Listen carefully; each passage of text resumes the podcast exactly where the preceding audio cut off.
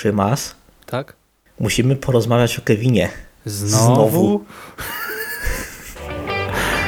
Żarłok i skóra. i Mando. Jerry. Bogusia. Szymas. Oraz nasi goście.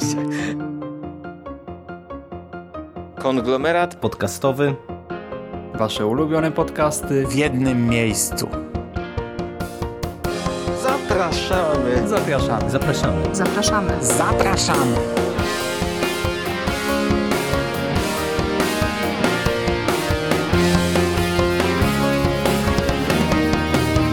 Witamy w konglomeracie podcastowym, czyli na platformie, która zbiera wszystkie Wasze ulubione podcasty w jednym miejscu. Po tej stronie mikrofonu witają się z Wami Szymon Szymaś-Cieśliński, cześć Wam, oraz mój rozmówca Michał Misiel Ochnik z Mistycyzmu Popkulturowego. Witam Cię serdecznie. I ja Ciebie również witam, Szymonie. Mam święta Bożego Narodzenia w roku 2018, a kilka dni temu, dokładnie rzecz ujmując e, 19 grudnia, na kanale Google na YouTube pojawiło się wideo Home Alone Again with the Google Assistant. Widziałeś może? Owszem, widziałem. No właśnie, jest to filmik parodiujący czy częściowo przetwarzający niektóre sceny z oryginalnego Home Alone, a w główną rolę wciela się tutaj dorosły Kevin McAllister, y, czyli... Dorosły Macaulay Culkin. tak, tak, tak, właśnie odruchowo, wiesz, już nie panuję nad tym, tak, dorosły Macaulay Culkin, czyli znany nam Kevin y, i w ciągu dwóch dni, wiesz ile osób zobaczyło ten film? O, y, podejrzewam, że y, już dobija dwóch milionów z tego, co mi się wydaje. Dwóch milionów? Prawie 15 milionów. Jej, W poważnie? dwa dni, tak, 15, mi- czy 14 milionów 800, jak sprawdzałem, tysięcy. Wow. Dokładnie. No i o czym to świadczy, kochani słuchacze? Oczywiście o tym, że Kevin sam w domu to fenomen na światową skalę, y, który, którego blask póki co nie gaśnie, tak? I dlatego zgodnie z obietnicą daną wam rok temu spotkaliśmy się dzisiaj, by pomówić o sequelu, czyli o Alone Again. Znaczy nie, to był tytuł roboczy, no. Home Alone 2 y, Lost in New York. Z tego, co się orientuję. Tak, to jest tytuł oficjalny, czyli po polsku Kevin Sam w Nowym Jorku. Jest to film z 1992 roku. Powstał dwa lata po premierze pierwszego filmu i no, prezentuje nam ponownie rodzinę McAllisterów. Minął rok od tej feralnej wigilii, kiedy McAllisterowie wyjeżdżając na świąteczny urlop zostawili Kevina w domu, zapomnieli o swoim no, synu czy też tam krewniaku. I tym razem nasza rodzinka ponownie planuje wyjazd na święta. Planuje e, udać się na Florydę. Niestety na skutek, jak się możemy oczywiście tego spodziewać, nieszczęśliwego zbiegu okoliczności, Kevin oddziela się od bliskich na lotnisku i trafia do Nowego Jorku, gdzie akurat znajdują się Harry i Marv, a więc znani i nam, i chłopcu e, włamywacze z pierwszej części filmu. W sequelu właśnie powracają wszyscy, powracają i twórcy, i aktorzy z oryginału. Ponownie reżyseruje Chris Columbus, ponownie za scenariusz odpowiada John Hughes. No i jeżeli chodzi o obsadę, to tutaj też cała rodzinka zostaje ta sama. Tak, Ci sami aktorzy wcielają się w te same postacie. No i może zacznijmy od jakichś takich ogólnych pierwszych wrażeń, oczekiwań, bo rok temu dużo o tym mówiliśmy, nie? że spodziewaliśmy Tak, się innego y, filmu. Szym, Szymon, Mhm. Pozwól, że Ci przerwę na moment. Tak? E, Musimy tutaj przecież na, najpierw, zanim zaczniemy rozmawiać, ostrzec o spoilerach. Bo wiesz, może ktoś nie widział tego filmu, może jakiś słuchacz jeszcze nie zna Kevina samego w Nowym Jorku, więc ostrzegamy, że będziemy, nie, nie będziemy się tutaj taskać ze spoilerami. No nie będziemy, no przykro nam. No wiesz. Bo wiesz, bo może ktoś jeszcze nie widział, to jest... To już się robi suche. uczciwość intelektualna tego od nas wymaga, czyż nie? No ale dobrze, tak. No dobrze, a zatem pierwsze wrażenia. Szymon, yy, czy ty miałeś jakieś oczekiwania już tak z pozycji kogoś, kto widział ten film pewnie z 10 razy? Znaczy wiesz, widziałem go pewnie więcej razy, ale to też było zawsze oglądanie bierne, oglądanie gdzieś tam przy stole, jednym okiem i znaczy zaskoczenie jest w sumie e, bardzo podobne do tego z ubiegłego roku, bo ponownie absolutnie nie pamiętałem początku. W ogóle te początkowe sekwencje e, wyparłem w 100%. Totalnie dla mnie ten film się zawsze zaczynał e, od całej tej konfrontacji, że może od jakiegoś tam spotkania w mieście Kevina z włamywaczami, z Harrym i Marvem. A potem mieliśmy konfrontację. A tutaj się okazuje, y, że tak naprawdę dopiero w połowie filmu, czyli w 60 minucie, widzimy po raz pierwszy ten dom, w którym chłopiec zainstaluje potem pułapki, a dopiero w 80 minucie rozpoczyna się starcie. To jest niesamowite, że ten film ma jeszcze 80 minut innej fabuły.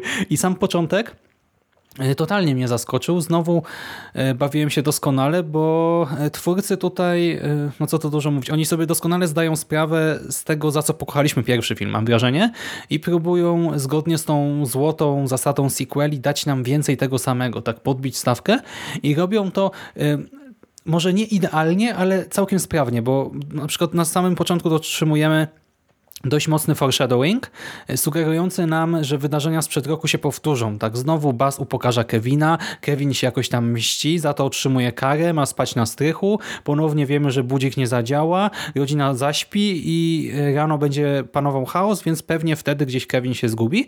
No i psikus, bo twórcy e, no, wkręcają nas troszkę. Z jednej strony dają nam ten foreshadowing, a z drugiej strony troszkę mylą tropy i ostatecznie się okazuje, że dostajemy wprawdzie to wydarzenie, którego się spodziewamy, ale dochodzi do niego na drodze trochę innych okoliczności niż je moglibyśmy przewidzieć. I to mi się bardzo podobało. Ja, ja tu nie mam nic do dodania, jak to mówi Jerry. Ale nie, y, pamiętałeś, Chociaż... że tak to wygląda, że to jest 180 minut jeszcze y, tego Wiesz wstępu, ja, ja tej podróży? Często, często oglądałem ten film od samego początku do samego końca, mhm. jak leciał na Polsacie, więc generalnie kojarzyłem te rzeczy. Nie kojarzyłem natomiast tego, że w tym filmie jest bardzo dużo montaży. Mhm. Takich, które niczego nie wnoszą do fabuły, tylko mają go trochę wydłużyć. I tego jest dużo. Albo, nie wiem, już na, na samym początku jest montaż, że y, są jakieś przygotowania do wyjazdu. Potem jest mo montaż, y, parę istotnych scen, potem kolejny montaż, że y, wszyscy biegają i wiesz, próbują zdążyć na samolot. Potem parę istotnych scen, potem kolejny montaż, jak Kevin zwiedza sobie Nowy Jork. Potem znowu parę scen i znowu montaż i tak do samego końca. Jest bardzo, w tym filmie bardzo wiele scen, które nic nie wnoszą do fabuły. Ja, y, o ile wydaje, wydaje mi się, że w pierwszy film również na to cierpiał, ale chyba nie aż w takim stopniu. Znaczy mnie się wydaje, że jednak pierwszy film... Yy... Znaczy tamte montaże to były na przykład zlepki gagów, nie? następujących e, po mhm. sobie, gdy na przykład właśnie Kevin został sam w domu, nomen omen. A tutaj e, rzeczywiście to wygląda troszkę inaczej. Znaczy na początku, okej, okay, no chcemy pokazać ten chaos, tak chcemy właśnie zagrać widzom na nosie, e, udać, że to właśnie w tym momencie Kevin się gubi, a tutaj nieprawda. Potem w tym Nowym Jorku to jest właśnie analogiczna sekwencja do tej z pierwszego filmu, nie? czyli Kevin w pierwszej chwili, gdy stwierdza, że jest sam, Oczywiście jest troszkę zaniepokojony, ale jednak postanawia się tym cieszyć, postanawia skorzystać z tego. Jest w Nowym Jorku, w mieście, które zna tylko z telewizji, jako to właśnie wspaniałe, cudowne, niesamowite i bawi się tym, zwiedza, poznaje, eksperymentuje, wydaje pieniążki, tak, których ma e, całkiem sporo pod ręką.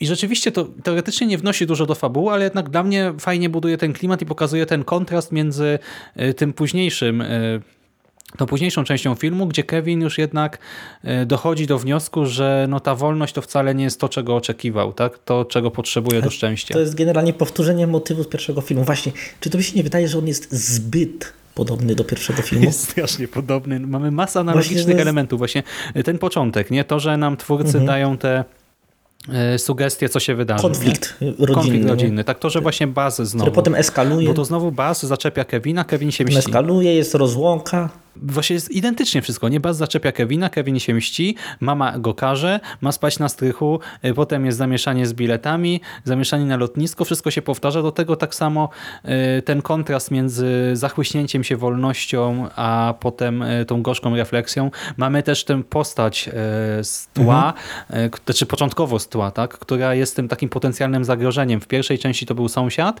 a tutaj to jest pani, która karmi gołębie w parku. Mhm.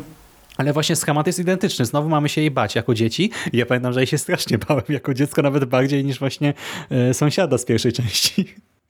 Właśnie tyle jest tych elementów i film wie, że on powtarza ten, y, ten, ten sam schemat i często to sygnalizuje, ale czy nie uważasz, że to mimo, tej sygnali mimo tego puszczania oczka, że tak, wiemy, że to jest identyczny film jak jedynka, ale cieszcie się tym, bo jedynka Wam się podobała, więc dwójka też powinna. Czy mimo tego wszystkiego nie uważasz, że przez to jest trochę nudniejszy niż pierwszy? No trochę tak, przy czym chciałem do tego przejść dopiero w podsumowaniu, no ale okej, skoro już teraz do tego dochodzimy. Rzeczywiście y, czegoś, ale wiesz co, ja, mnie nawet trudno stwierdzić, czego mi tutaj zabrakło, bo ja się bawiłem dobrze w trakcie seansu, już mogę powiedzieć, ale rzeczywiście pod koniec pomyślałem, że jedynka była lepsza.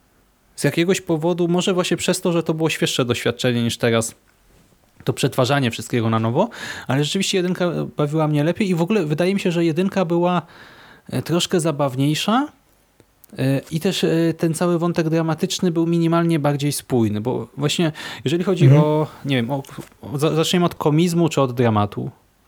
Może, może porozmawiamy najpierw o tym rodzinnym dramacie. Wiesz, y, mi się wydaje, największym problemem jest dla mnie, rozwijając ten motyw, o którym mówiłeś wcześniej, że y, Kevin y, otrzymuje tę samą lekcję, którą otrzymał w pierwszym filmie. Ale wiesz co, to jest właśnie... On, on się nie uczy niczego nowego, on się jeszcze raz uczy tego samego, że wiesz, że tam rodzina jest ważna i tak, i tak dalej. Tak, ale z drugiej strony, czy nie jest tak trochę w życiu, że jak się nawet na czymś przejedziemy, to mija trochę czasu i o tym zapominamy i że popełniamy te same błędy? Dlatego Niby jest, ale nie wydaje mi się, żeby to y, ak- akurat takie było przesłanie tego filmu, że popełniamy cały czas te same błędy i powinniśmy się na, nim, na nich uczyć. Poza tym film, czy też jak w tym przypadku seria filmowa, to nie jest życie i kieruje się trochę innymi zasadami. Trochę innych rzeczy oczekujemy od filmu kinowego i od tego, co nam się przytrafia w życiu.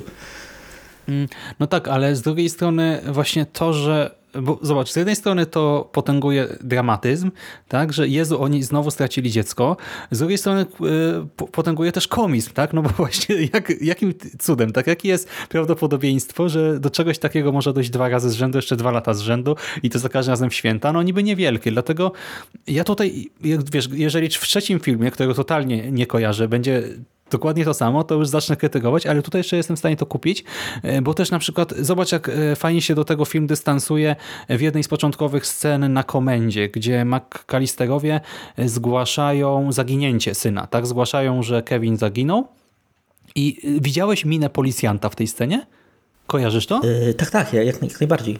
No przecież on patrzy na nich z taką pogardą, z takim zwątpieniem, z takim brakiem zrozumienia. To jest genialne, nie? że y, to jest scena, w której spokojnie można by pójść w slapstick, nie? Y, wyśmiać to wszystko, pokazać policjanta, który właśnie nie dowierza, który się puka w głowę czy coś, ale twórcy właśnie zadbali o to, by w scenach, które mamy odbierać serio, y, nie bawić się właśnie w jakieś takie komiczne sekwencje, tylko jednak postawić na dramatyzm i ta sekwencja sprawiła, że ja wiesz, zacząłem przełykać ślinę powoli, jak gulę w gardle i naprawdę poczułem to, że no rzeczywiście, no tragedia, tak, no co tutaj się wydarzyło, jak mogli, tak, jeszcze nie wiedzą, gdzie jest totalnie, no to, to jest jeszcze gorsza sytuacja niż w jedynce, pod kątem właśnie dramatycznym. Zga, zga, zgadzam się, że to była dobra scena, bo ona była bardzo efektywna. Stanowiła taki fajny kontrapunkt.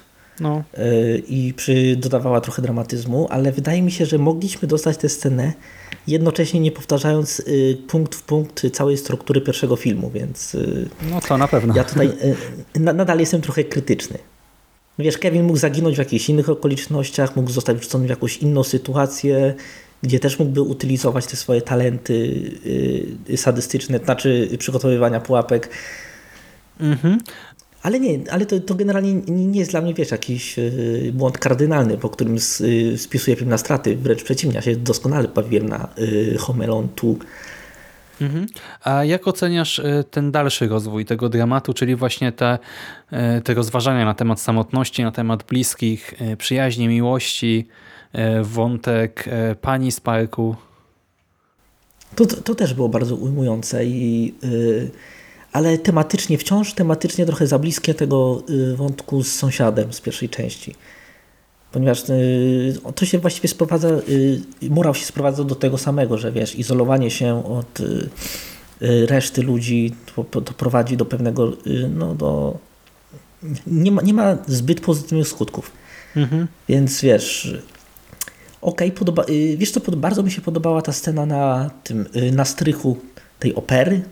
Mhm. On, ona miała w sobie taki klimat, że wiesz, y, trochę taki Harry Potterowy, że tak na, nawiąże do kolejnego, jednego z kolejnych dzieł tego reżysera. Mhm. Więc y, dla, dla samej tej sceny to ja, ja się cieszę, że ten wątek się w filmie znalazł, ale znów można było Kevina nauczyć jakiejś trochę innej lekcji. Na przykład, nie wiem, że nie wiem, cokolwiek, wartość ludzkiego życia, czy y, pamiętania o, o najbliższych, czy no, żeby to nie było tak ostentacyjnie powielony morał z pierwszego filmu. Hmm. Y, Nie wiem, czy zrozumiale się wyrażam. Znaczy rozumiem to cały czas i y, no, zgadzam się w dużej mierze, ale ja myślę, że to bardzo świadomie tak twórcy chcieli zrobić drugi raz to samo, bo ten sukces no, był tak niesamowity. Zresztą my widzieliśmy też obaj dzisiaj film Behind the Scenes nie? i tam widać y, to, że ludzie na planie bawią się doskonale i wiadomo, no, to, to jest zmontowane wszystko, nie wiadomo ile osób przepytano, ale te osoby przepytane są tak szczerze zajawione, zainteresowane, zhypowane na ten film, na, na, zarówno na pierwszy, jak i na sequel, nie? I widać, że to jest naprawdę fenomen, który wywołuje te pozytywne emocje, który bardzo się wbija w pamięć, w świadomość ludzką, y, jako właśnie jakieś zjawisko kulturowe, popkulturowe i no, twórcy chcieli pójść za ciosem, ale właśnie zarazem bardzo bezpiecznie, nie? czyli stworzyć to samo, tylko minimalnie zmienić setting. I wspomnieć o tej scenie y, na tym strychu opery, I właśnie mamy tę postać e, staruszki z parku. W ogóle ten Nowy Jork nocą jest upiorny. Ja, tak jak ja wspomniałem, y, tutaj staruszka odgrywa tę samą rolę co sąsiad y, w pierwszej No, on, części. on, on miał na nazwisko Marley, więc wiesz, możemy go tak tytułować. Tak, jak e, co sąsiad Marley, Jak z Który- Dickensa.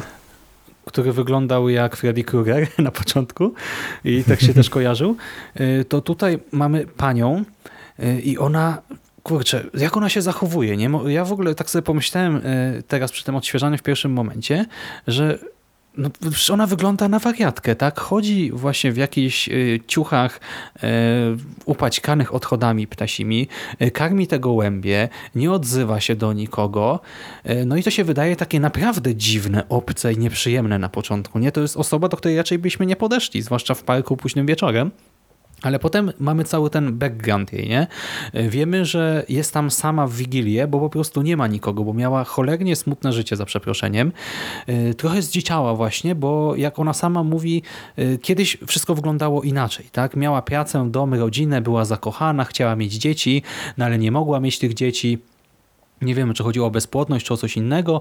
E, Jej ukochany ją w końcu zdradził i potem właśnie wpadła w taką apatię i ona mówi coś takiego, że nie rozmawiała z nikim od kilku lat. W sensie, że dosłownie nie rozmawiała z nikim od kilku lat. I wtedy sobie myślimy, że cała ta kreacja jest całkiem wiarygodna w gruncie rzeczy. nie? Taka trochę zdziwaczała babka, e, zainteresowana właśnie ptakami, muzyką, operą i to. I nagle sobie uświadamiamy, że rzeczywiście też, e, tak samo jak Kevin na początku ją ocenia przez pryzmat tego tylko, co zobaczył przez ten moment, tak samo ja ją oceniłem dosłownie, dałem się złapać w 100%. Sobie pomyślałem, co za szurnięta babka. A ten cały Nowy Jork nocą, to przecież jest naprawdę upiorna wizja. Sk- Jacyś skwaszeni, bezdomni, yy, jakiś właśnie jeden z nich przecież wybucha tym takim demonicznym śmiechem. Mamy też urnięte prostytutki, taksówkarza bez oka. No przecież normalne dziecko to by tam, nie wiem, no załamało się, nie wiem, uciekając biegło na jakąś latarnię i się zabiło chyba. Czy na No, ulicy. y, dlatego Marv i y, Harry przecież go wypuścili, bo wiedzieli, że on, on tam spęka w tym parku. Hmm. No ale się tak nie stało. No dobrze, ale do, dokąd szedłeś z tą myślą? że świetnie się udało wykreować tę upiorną wizję miasta z punktu widzenia dziecka, ale też upiorną dla dorosłego. Bo ja też teraz oglądając to sobie pomyślałem, że no nie chciałbym tam być. Tak, to nie jest, y, kurczę, to tak jak w Łodzi się mówi, nie wiem, że jest Limanka, tam w Warszawie jest Praga, czy coś, no to to jest coś takiego. Ale to y, moim zdaniem to też było y, tak trochę podkręcone, y, żebyśmy bardziej y, widzieli to oczami dziecka z- zagubionego w nocy w parku w Nowym Jorku, więc y, dlatego też tam pewne wiesz, lu- ludzie, zachowania, sytuacje pewnie były bardzo mocno wyostrzone, żebyśmy bardziej weszli w tę y, percepcję Kevina. Ale ja- jak najbardziej było to efe- efektywne. Mhm, Ale właśnie cały ten film troszkę, e, to, to właśnie jest też super, że on dużo rzeczy wyolbrzymia, ale jednocześnie dba, by w odpowiednich e, scenach tę powagę zachować. No przecież wszystkie obrażenia, których doznają, e, No nie, no to we- weź, to, to, to już były zwariowane melodie. przecież Harry w ogóle w pierwszej scenie, gdy obrywa, to on miażdży w ogóle samochód. No to przecież on powinien mieć kręgosłup złamany w 15 miejscach. No, to było tak, jak to, ja to zobaczyłem, sobie pomyślałem, jest jaki to musiałby być ból, nie? I, I a propos jeszcze Harry'ego i Marwa i obrażeń, jak oni pięknie bluźnią w tym filmie, jak, jak oni Tak. cudowne wulgaryzmy tutaj rzucają, jak, jak Kaczor Donald, nie? A to dlatego, wiesz, Joe We- Weź, y, tak się wymawia jego nazwisko? Chyba tak. Joe Pesci. No dobra, na- najwyżej popełnił błąd. Weź go do filmu i zabroń mu przeklinać. Mhm. No to rezultatem to właśnie będzie to, będą dźwięki, które wydawał. No, No fakt, no dobra. ale i, i to też dorabia ten e, efekt komiczny, nie? Mhm. Wzmacnia. Y, Już naturalnie grawitujemy y, wokół tych, y, coraz bliżej tych elementów 100 lat. Szymas, wydajesz z siebie naprawdę... No dobra, nie, nie, mów- mówię, że już y, naturalnie grawitujemy y, wokół tych y, komediowych elementów, no bo ten film jest przede wszystkim slapstickową komedią, słynną z tego, no z tych elementów slapstickowych, no i nie da się ukryć, że duża część pułapek jest wzięta żywcem z pierwszego filmu i tutaj rozwinięta. Znaczy, że tak, y, Marv i Harry już znają modus operandi Kevina i próbują przewidywać, co, co, co on wymyślił i najczęściej im się to nie udaje. I to jest też zabawne dla osób, które mają świeżo w pamięci pierwszy film. Na przykład ta scena ze schodami, Tak, w tak. pierwszym filmie dostali dwa razy y, w nos z puszką. Y, Tutaj udaje im się uniknąć dwa razy puszki, bo, ponieważ y, pamiętają swoje doświadczenia sprzed roku. I są z siebie dumni jeszcze. No, tak zadowoleni, potem lecą i obrywają tym, co to było, nie wiem, nie wiem, jakieś oparcie przywiązane do, y, do Jakaś liny, noga czegoś, takiego. tak. Mhm. No dobra, pułapki. Yy, Wiesz co, wydaje mi się, że Kevin sam w Nowym Jorku trochę podkręcił wytrzymałość naszych antagonistów. Mm, Ja się w pełni zgadzam, no i współczuję y, właśnie aktorom też, bo y, to, co właśnie y, Daniel Stern i Joe przeżyli na planie, to wow. Ja, znaczy, ja rozumiem, że to wszystko wyglądało inaczej tak w praktyce, ale i tak no, samo to upadanie ileś tam razy, żeby ładnie nakręcić scenę, no to musiało jednak boleć. Zdecydowanie. A masz swoją ulubioną pułapkę? Ojej, musiałbym się mocno... Nie, wiesz co? Mam, ponieważ... Yy, ale nie ze względu na wymyślność pułapki, tylko ze względu na to, że w tym jednym momencie film nam yy, otwarcie sygnalizuje, żebyśmy nie brali tego wszystkiego na poważnie. To jest scena z y, akumulatorem podłączonym do y, kurków y, w y, umywalce. Wiesz, gdzie Harry łapie za te kurki i wiesz, włosy zaczynają mu stać dęba od y, wyładowań elektrycznych i w jednym momencie po prostu podstawił tam szkielet. Tak, ale to jest tak fajnie zmontowane, że rzeczywiście po prostu mamy błysk światła i widzimy kościotrupa, tak, z, No, i- z no że- włosami. My już wtedy po prostu wiemy, że to jest, y, to już wchodzimy w ogóle w świat y, y, Looney Tunes, żebyśmy nie brali na poważnie tych wszystkich obrażeń, które spotykają naszych dwóch antagonistów.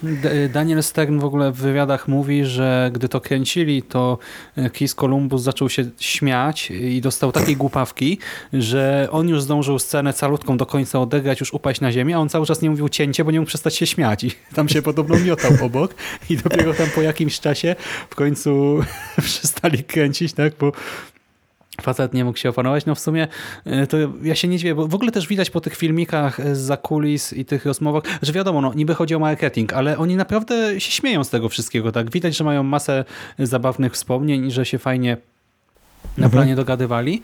E, Co do pułapek jeszcze, e, no tak, to było spoko, Te- ten kościotrup, no to zawsze wywołuje szeroki uśmiech na moich ustach, E, a z takich najbardziej kreatywnych pułapek i zarazem właśnie trochę strasznych, upiornych, no to chyba ta lina nasączona naftą, która potem zapłonęła. Ojej. To, jak sobie pomyślałem, że wiesz, bym na był na torcie. takiej linie i po pierwsze zaraz mi zaczną płonąć ręce, w ogóle całe ciało tak będzie blisko ognia, poza tym być może ta lina się urwie i spadnie i tak nie wiadomo czy w dół, czy w górę w ogóle co zrobić. Tutaj gorąco, tutaj wiesz strach przed upadkiem, no to trauma na całe życie.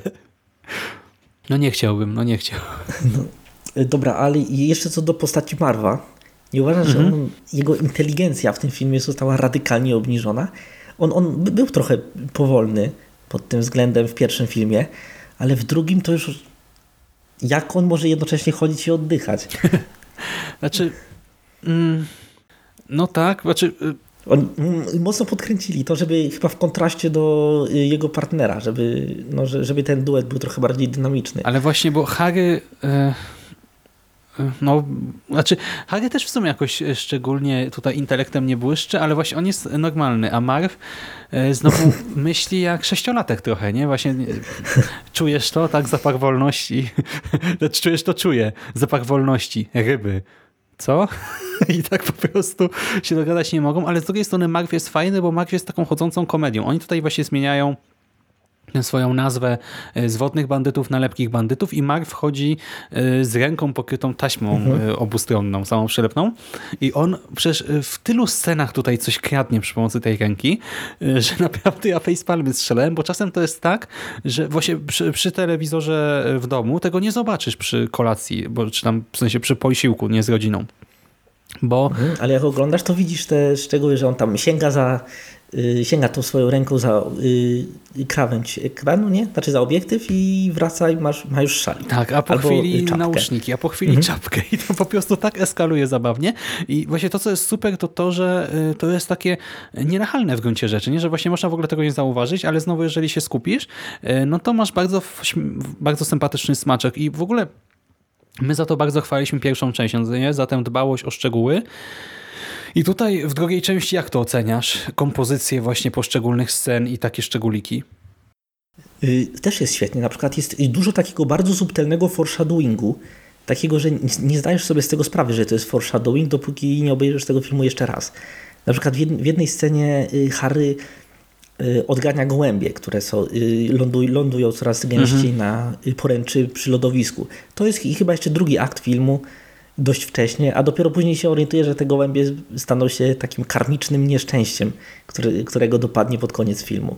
Dokładnie. I jeszcze y, o tej scenie też się aktorzy wypowiadają, że to były prawdziwe gołębie, że wypuszczono na nie naprawdę 300 tresowanych gołębi. Tak to nie były oczywiście dzikie Jest. ptaki, bo by im krzywdę zrobiły, y, tylko jakoś tak, y, znaczy oni mówili właśnie, że to były tresowane gołębie. Ja tak sobie sam, to, to, sam to dopowiedziałem, że może one miały jakoś stępione dziobki, czy miały jakieś nakładki na nich, czy coś, y, bo one po prostu jadły prawdziwe ptasie ziarno z, z aktorów, tak? I właśnie też y, Daniel Stern mówi, że na przykład tam jeden ptak do ust tam wszedł, no bo oni mieli krzyczeć cały czas, tak, żeby to autentycznie wyglądało się tam trochę miotać. No to też a propos właśnie poświęcenia dla aktorstwa. Znaczy wiadomo, no to niby tylko ptaki, no ale jednak jakoś tam musiały ich to dziobnąć, to drapnąć, nawet tak wiadomo, no, tego się nie kontroluje w pełni, więc też szacunek, że się na to zgodzili, bo scena wygląda całkiem widowiskowo w sumie na ekranie też. O, zdecydowanie tak. Masz jeszcze coś do powiedzenia? Ponieważ tak, tak mi się wydaje, że gdybyśmy mieli rozmawiać o tym filmie tak jako jedynce, to większość podcastu moglibyśmy wyciąć, tak wiesz, kopiuj w klej, yy, powklejać pomiędzy niektóre kluczowe rzeczy, o których mówimy teraz i byśmy spokojnie yy, sprzedali to jako podcast o Kevin Sam w Nowym Jorku. No argumenty pewnie by były podobne. Ja bym jeszcze zwrócił uwagę na taką scenę, sekwencję, koncept, który zrobił na mnie chyba największe wrażenie w ogóle w całym filmie. Chodzi mi e, po pierwsze o to, że w ogóle gra tutaj e, Boże, teraz żebym nie, nie pomylił. Tim Curry, tak? Mhm. Człowiek fizycznie niezdolny do grania pozytywnej postaci. Dokładnie. E, I mamy... e, Właśnie nie wiem od czego zacząć. Mamy, powiedzmy, powiedzmy, że zacznę od kompozycji pewnej sceny. E, Widzimy jak e, Kevin jedzie limuzyną i ogląda animowanego Grincha.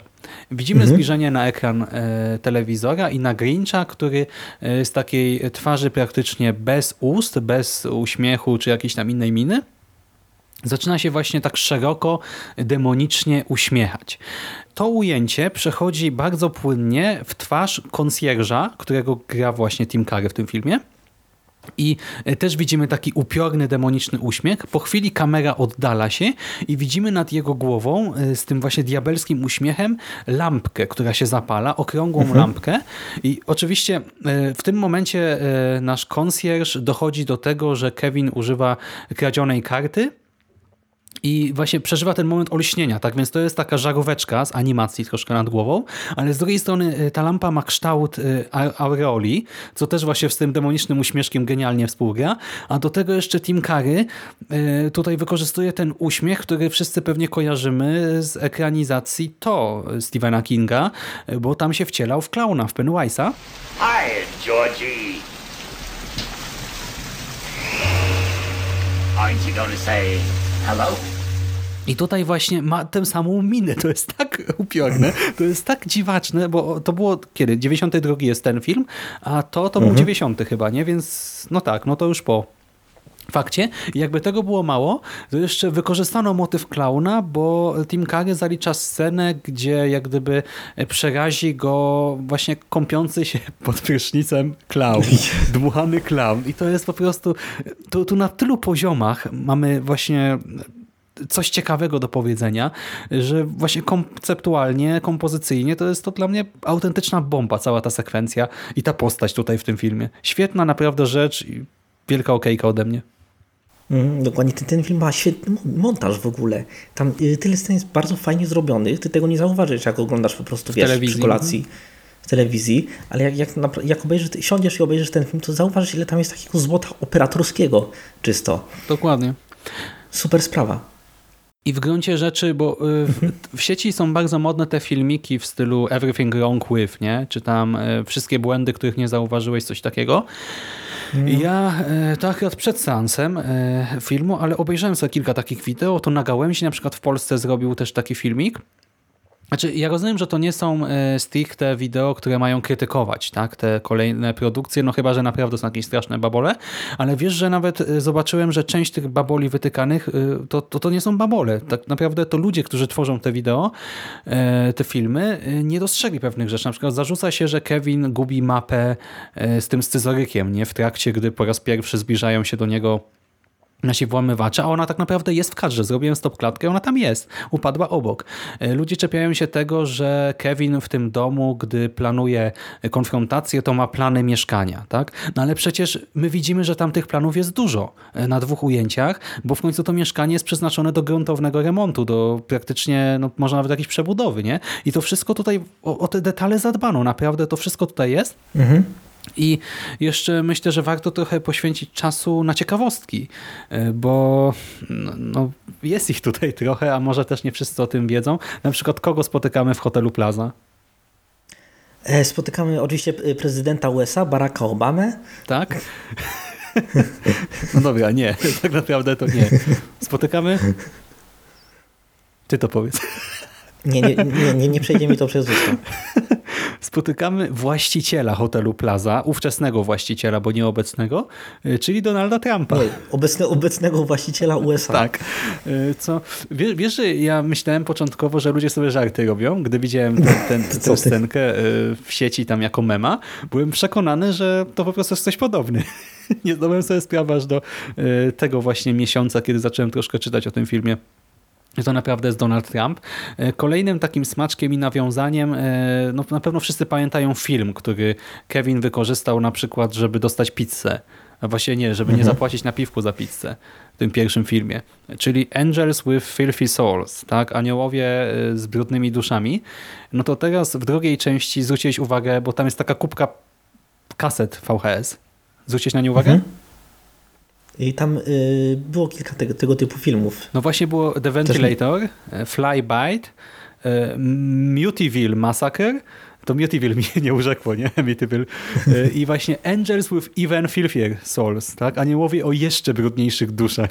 I do tego ta sekwencja, która jest analogiczna do tej z pierwszego filmu, też jest wykorzystana analogicznie i też właśnie można powiedzieć, nie? Że znowu to samo, no dosłownie to samo, tak? Kevin ogląda film, Kevin wykorzystuje ten fragment filmu, żeby kogoś zastraszyć, no jeden do jednego przeniesione, ale to akurat mnie strasznie urzekło, bo to fajnie zagrało, myślę. Mhm. Zdecy- Zdecydowanie. Kolejna rzecz. Wiesz to, to, to mógł być taki metakomentarz, Mhm. że y, ten sam sequel, y, że sequel filmu prawdziwego Mhm. ma w sobie sequel z filmu fikcyjnego, który pojawił się w, y, w pierwszej części Kevina. Dokładnie i też podkręcamy właśnie tak, że jest jeszcze bardziej. No w sumie Kolejna taka ciekawostka to akurat e, mnie rozbawiło, bo nie wiem, czy zwróciłeś uwagę na plac, na którym Marv e, atakuje chłopca, który nosi czapkę identyczną z tą, którą Kevin nosił w pierwszym filmie. To już jest ciekawostka, taki też smaczek. A Kevin tam się chowa e, na takim wozie, w jakiejś takiej skrzyni. Tak, za- w, w kufrze, kufrze za, przy za karocy. wozem. Mhm. Rozpoznałeś ten plac? Nie? To jest ten sam plac, który pojawił się w drugim Johnie Wicku. W którym właśnie e, tam mamy takie ważne spotkanie, właśnie też z właścicielem hotelu zresztą. E, I tak się śmiałem. I jeszcze on wystąpił w jakimś innym filmie, bo to w ciekawostkach akurat wyczytałem, e, ale już... Ten plac wystąpił. Tak, tak. To jest ważny plac. I mam nadzieję, że dostał odpowiednie honorarium. No dobrze. Kolejna rzecz, cameo. Y, Tutaj jest ich sporo. Ja już też nie pamiętam wszystkich, nie wszystkie też wyłapałem. Y, Chris Columbus pojawia się właśnie w sklepie y, z zabawkami, który zresztą jest wymyślony, też nie szukajcie go, on nie istnieje naprawdę. Y, W ogóle to też nie, nawet nie jest lokacja z Nowego Jorku, tylko z innego miasta, ale tam mamy ojca z córeczką i ta córeczka tam wybiera zabawki i Chris Columbus to jest właśnie ten ojciec, a to dziecko to jest jego prawdziwa córka. I też... On, on chyba lubi pojawiać się w swoich filmach, nie? y, Ale Ta- ta- szczerze tak, mówiąc... tak trochę y, Hitchcock style. Ja go zazwyczaj nie, nie dostrzegam, więc Ja też nie, ale, ale to chyba dobrze. no w sumie. E, A postać, której totalnie bym nie zauważył, bo jest związana z Gwiezdnymi Wojnami. Wiesz o kogo chodzi? Oho. N- Nie. E, Frank Oz, który dubbingował Jodę i tam A, przy mapetach pracował. Tak. Mhm. E, Tak, to on się pojawia w momencie, gdy e, nasi włamywacze wychodzą z metra i gdy Marv sobie okleja tę rękawicę taśmą i tam sięga właśnie w bok, no to on się w tle pojawia na moment. Też, więc coś dla Mando, nie? I dla fanów Gwiezdnych Wojen. I, I naprawdę super, że tego jest tutaj tyle. Jeszcze z takich ciekawostek, tutaj tak jak w jedynce mieliśmy lokowanie produktu Pepsi, tak teraz Coca-Cola się wkupiła w łaski i to Coca-Colę piją dzieciaki zamiast Pepsi przy stole. E, A e, w końcu wiesz ile zarobił e, Kalkin za rolę Kevina tutaj? Nie mam pojęcia. Mówi się w zależności od źródła, że od 4,5 do 8 milionów dolarów. I to jest największa kwota, jaką kiedykolwiek zarobił tak młody aktor e, w Wow. kinie, więc no, znaczy najpierw w ogóle doszedłem do tego, że to jest 8 milionów, bo tak chyba na polskiej Wikipedii ktoś napisał. Potem znalazłem w źródłach anglojęzycznych na IMDb i dwóch innych stronach, że to jest 4,5 albo 5 milionów, no ale nadal 4,5 miliona tak dla dwunastolatka. Czy wiadomo, że on tego nie dostał, nie wiem, w walizce do rąk własnych, ale i tak kosmos. No, nie dziwota, że troszkę mu woda sodowa uderzyła do głowy. No, no, ni- no ni- ni- niestety to jest ten, y, życie tego aktora już po tym filmie to jest trochę smutna historia. Ale właśnie no, zupełnie się nie dziwię, nie po czymś takim. To... Mhm. A Wyo- Wyobraź sobie, masz, masz 12 lat i nagle jesteś ikoną popkultury. tak wszyscy cię rozpoznają, każdy chce autograf, No i- zdjęcie, znaczy zdjęcie, no wtedy w sumie to nie było selfików, ale Ciężka sprawa. No nic. Hmm. Coś niesamowitego. I jeszcze coś, jesteśmy podcasterami, nie? No to e, trzeba na to zwrócić uwagę. Kevin używa przenośnego dyktafonu kasetowego, nie? Mhm. O takim specyficznym kształcie. Wiesz, że on powstał tylko jako rekwizyt e, na plan zdjęciowy? To miała być po prostu Znaczy, że zabawka na plan zdjęciowy, tak? E, Ale okazało się, że ludzie wysyłają tyle maili e, do studia i do właśnie twórców z zapytaniem, gdzie to można kupić, że w końcu Tiger Electronics stwierdziło, że wyprodukuje coś takiego, bo tego nie było na rynku w takiej formie przynajmniej. I powstała właśnie seria produktów, która nazywa się Talkboy. E, Odpowiada za nie właśnie Tiger Electronics. No i normalnie było dostępne na rynku do kupna, bo tak to miało być tylko rekwizytem, więc też w ogóle wow. Kevin tutaj propaguje dyktafony i rozwój technologii w tym kierunku. Też śmieszna rzecz. no fakt. No dobra, to ja się wyprztykałem. Ja, te, ja, ja szczerze mówiąc też nie, nie bardzo wiem, co mam powiedzieć. Myślę tylko, że mogę tylko dodać, że podobało mi się to nawiązanie do pierwszej części, gdy widzimy na ręce y, Harego y, ten y, odbity, odbitą gałkę na, je- na wnętrzu jego dłoni wypaloną. Jak, jak Kevin, wiesz, podgrzał gałkę y, do drzwi wejściowych i on ma to M wypalone na, A to jest akurat błąd jedynki. E, Taka wpadka trochę twórców, bo e, nie wiem, czy zwróciłeś uwagę O, na to, ale Tak, on złapał tę klamkę y, nie, w ten sposób, w który y, by mu to wypalił. dokładnie, a tutaj jest analogia. Znaczy, to jest wierne temu, co widzieliśmy w pierwszym filmie, tylko w pierwszym filmie Tak, to tak, jest... bo on potem wsadził rękę do, do śniegu i wyciągnął i to już wtedy, wtedy miał tak, tę tak. bliznę.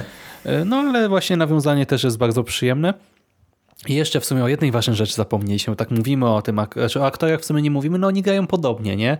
Kevin gra bardzo fajnie, bardzo, bardzo dobrze mu wychodzi bycie tym takim momentami zirytowanym, momentami właśnie takim troszkę szalonym, w sensie, znaczy szalonym, rozpuszczonym, znaczy cieszącym się wolnością, o może tak to ujmę, ale jednak przez większość czasu takim grzecznym chłopcem, nie? No bo on jest taki trochę przymilny, grzeczny, dziękuję, przepraszam i bardzo to tak realistycznie gra, nie? Bo czasami jak się widzi dzieciaki, które mają grać takie grzeczne dzieci, to to brzmi tak sztucznie, jak właśnie by się nauczyły na jakąś akademię tekstu i miały coś recytować. A tutaj to naprawdę fajnie można poczuć, nie?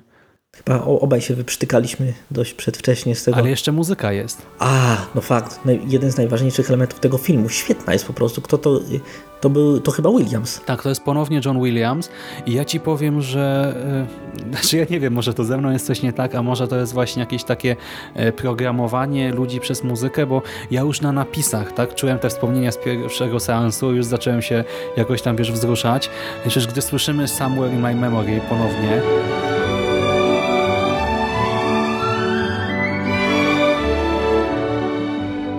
czy nie wiem, Carol of the Bells, no to ja po prostu jestem, wiesz, łapany za serce i to nie puszcza. Totalnie się poddaję emocjom, gdy słyszę te kawałki, ale wiesz, jeszcze w ciągu filmu, no to cały ten wątek właśnie samotności, tej kobiety, która nie ma nikogo, która kurde w Wigilię jest sama i karmi gołębie w parku. No przecież to jest tak smutne, niezależnie w ogóle od wszystkiego, nie? To jest tak cholernie smutny wątek, że głowa mała, ale powiem Ci, że nawet na behind the scenes, gdzie ta muzyka się pojawia zupełnie bez tego kontekstu dramatycznego, e, gdzieś tam w tle, to gdy tylko to słyszałem, to czułem, że wiesz, nerwy zaczynają drgać i coś mnie tam rusza w środku.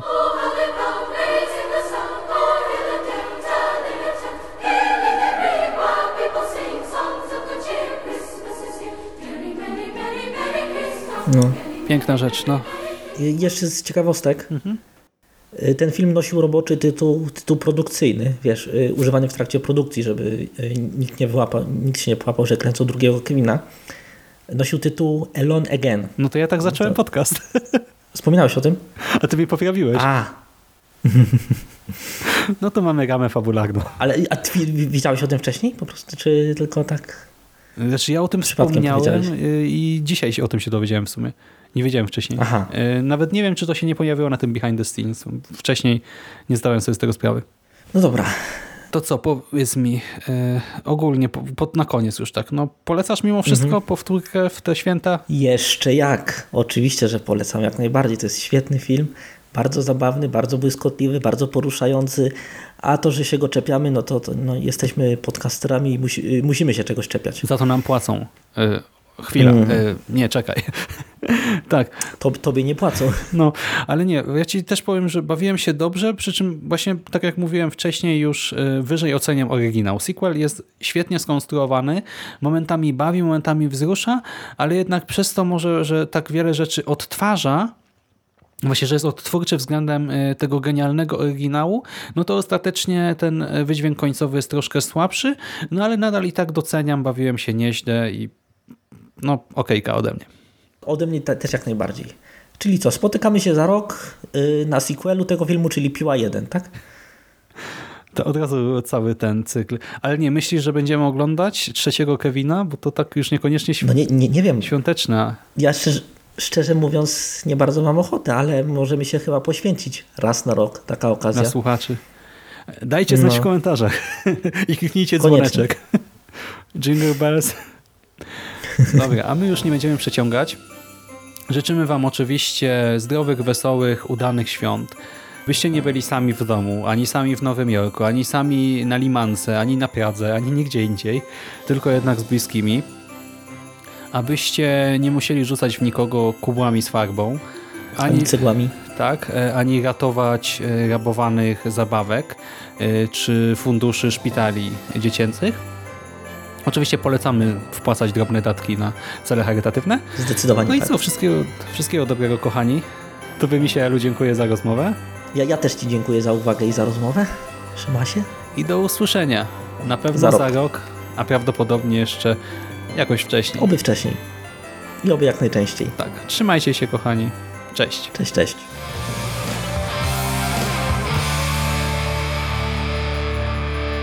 You finished? That's it, man. Game over, man. It's game over. What the fuck are we gonna do now? What are we gonna do? It's over. Nothing is over! Nothing! You just don't turn it off!